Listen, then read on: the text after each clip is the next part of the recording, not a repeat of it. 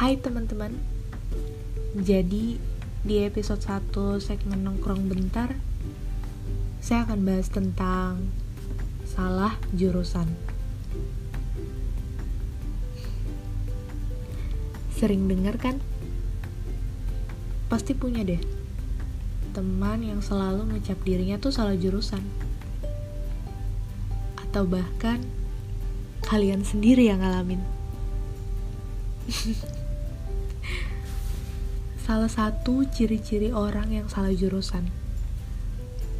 Ketika ditanya tentang jurusannya, dia nggak bisa ngejelasin jurusannya itu apa.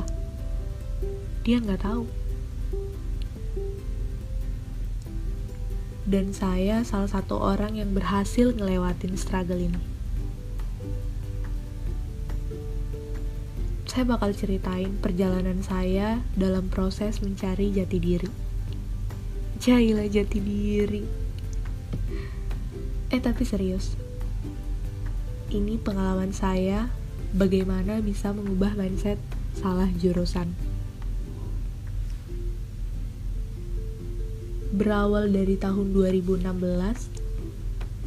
saya dinyatakan lolos lewat jalur SBMPTN di Fakultas Kesehatan Masyarakat Universitas Halo Aleo. Dan ini bukan jurusan yang saya mau. Setelah berdiskusi dengan orang tua, saya mutusin buat kuliah di Kesmas. Tapi tetap persiapan diri untuk ujian lagi tahun depan. Hmm, di tahun 2017 waktu itu posisinya saya udah daftar buat ujian lagi kan. Nah di selang waktu itu saya ngikutin salah satu kegiatan jurusan. Semacam pengkaderan gitu. Dan yang gak bakal pernah saya lupain adalah cerita senior saya singkatnya gini teman-teman. Dia tuh ngalamin struggle yang sama dengan saya. Dia ngerasa dirinya tuh salah jurusan. Dia juga coba ujian lagi di tahun keduanya. Dan hasilnya dia nggak lolos di jurusan yang dia mau Terus dia bilang gini ke dirinya sendiri. Kalau saya terus-terusan ikutin ego buat sesuaiin passion dan jurusan saya, saya akan kehilangan kesempatan untuk jadi yang terbaik dengan apa yang saya punya sekarang.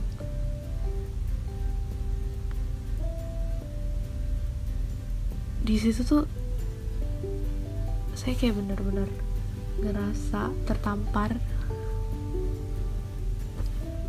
tapi ego saya masih jauh lebih besar. Saya masih belum bisa nerima dan saya masih pengen nyoba pengen ujian lagi. Ya udah kan ya udah daftar juga. Hmm. ujian pengumuman bisa ketebak dong hasilnya apa. Gak lolos lagi. Dari situ saya coba mikir saya flashback. Kenapa sih Allah tuh kasih saya lolos di sini? Kenapa nggak sekalian aja SBMPTN saya nggak usah dilolosin? Emang manusia nggak pernah puas gak ada syukur-syukurnya. Mencoba untuk berpositif thinking saya bilang ke diri saya waktu itu. Ya sudah berarti emang ini udah rezeki saya. Ini yang harus saya jalanin. Jurusan ini yang harus saya tekunin. Dan saya harus cari tahu jurusan saya ini sebenarnya apa di tahun 2018 menjadi tahun yang buat saya banyak bersyukur dipertemukan orang-orang ini. Ya, yeah, siapa tuh?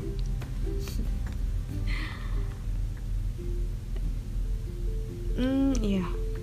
Saya hidup di lingkungan yang minum organisasi.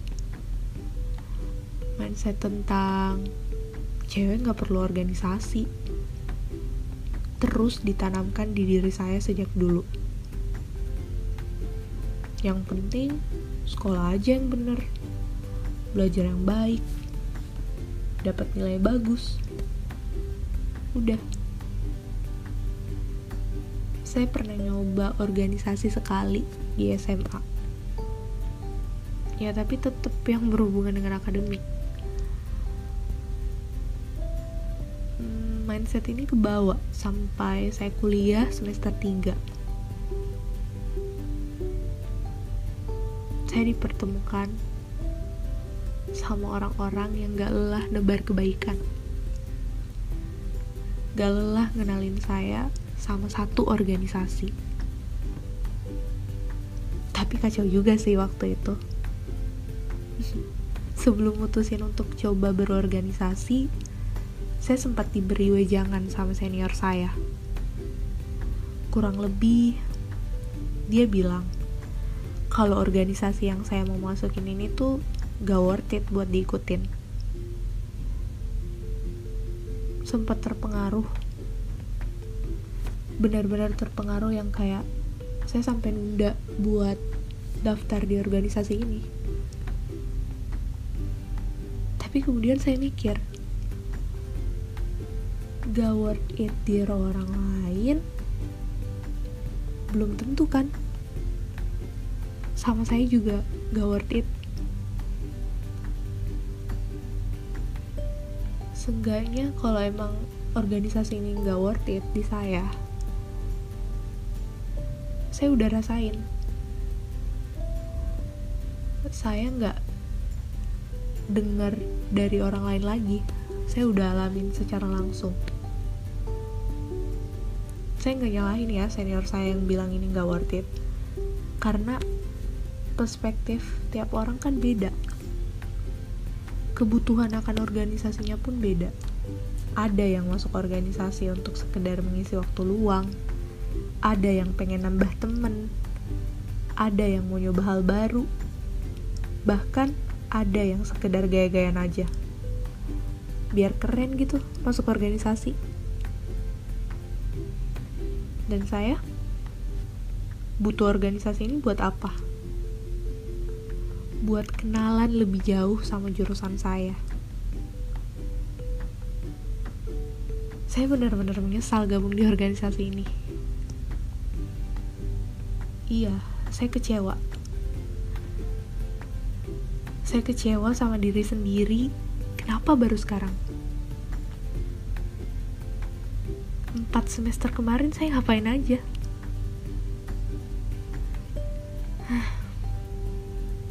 Tapi better late than never.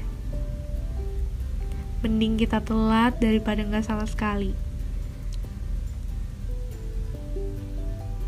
benefit yang saya dapatin dari organisasi ini tuh saya benar-benar kagum sama jurusan saya mungkin saya nggak akan bahas lebih lanjut tentang jurusan saya karena di sini saya cuma mau berbagi pengalaman tentang bagaimana saya ngadepin struggle salah jurusan ini. Intinya dari organisasi ini tuh saya belajar banyak banget yang bisa saya pelajarin